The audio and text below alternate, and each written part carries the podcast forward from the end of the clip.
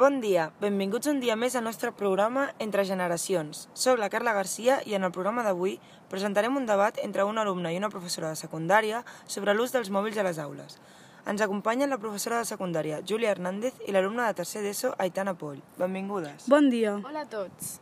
Vinga, doncs, comencem el debat.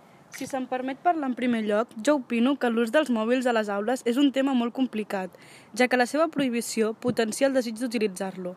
En cap moment estic dient que el telèfon mòbil sigui una cosa negativa, però actualment n'estem fent un mal ús en comptes d'exprimir tots els recursos informatius que ofereix. Per això s'haurien de prendre mesures per evitar-ne el seu ús.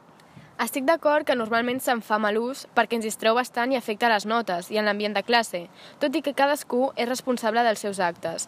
Penso, però, que els alumnes valorem treballar de formes diferents que no sigui paper, boli, prendre punts i escoltar. Quin creieu que no hauria de ser l'ús a les hores d'esbarjo?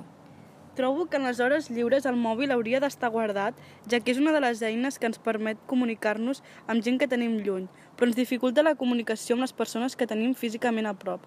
A més a més, l'hora del pati està pensada per esmorzar, desconnectar i relacionar-se. Doncs jo no penso així. Tot i que hi hagi gent que digui que això impedeix que ens relacionem o parlem entre nosaltres, crec que no hauria de ser una norma. Al final, qui vol relacionar-se a jugar ho farà igualment, però si algú li ve de gust escoltar música, per exemple, crec que s'hauria de respectar.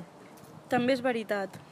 I què us sembla si es fes una nova assignatura en la qual es pogués satisfer aquest desig i a la mateixa vegada els alumnes poguessin aprendre el seu bon ús? Ho trobo una molt bona idea, però tot i així ens hauríem de controlar, perquè hi hauria gent que es posaria a jugar o a mirar les seves xarxes socials.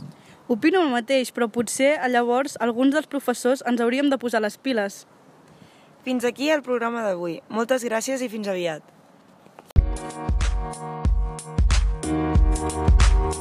Thank you. Thank you.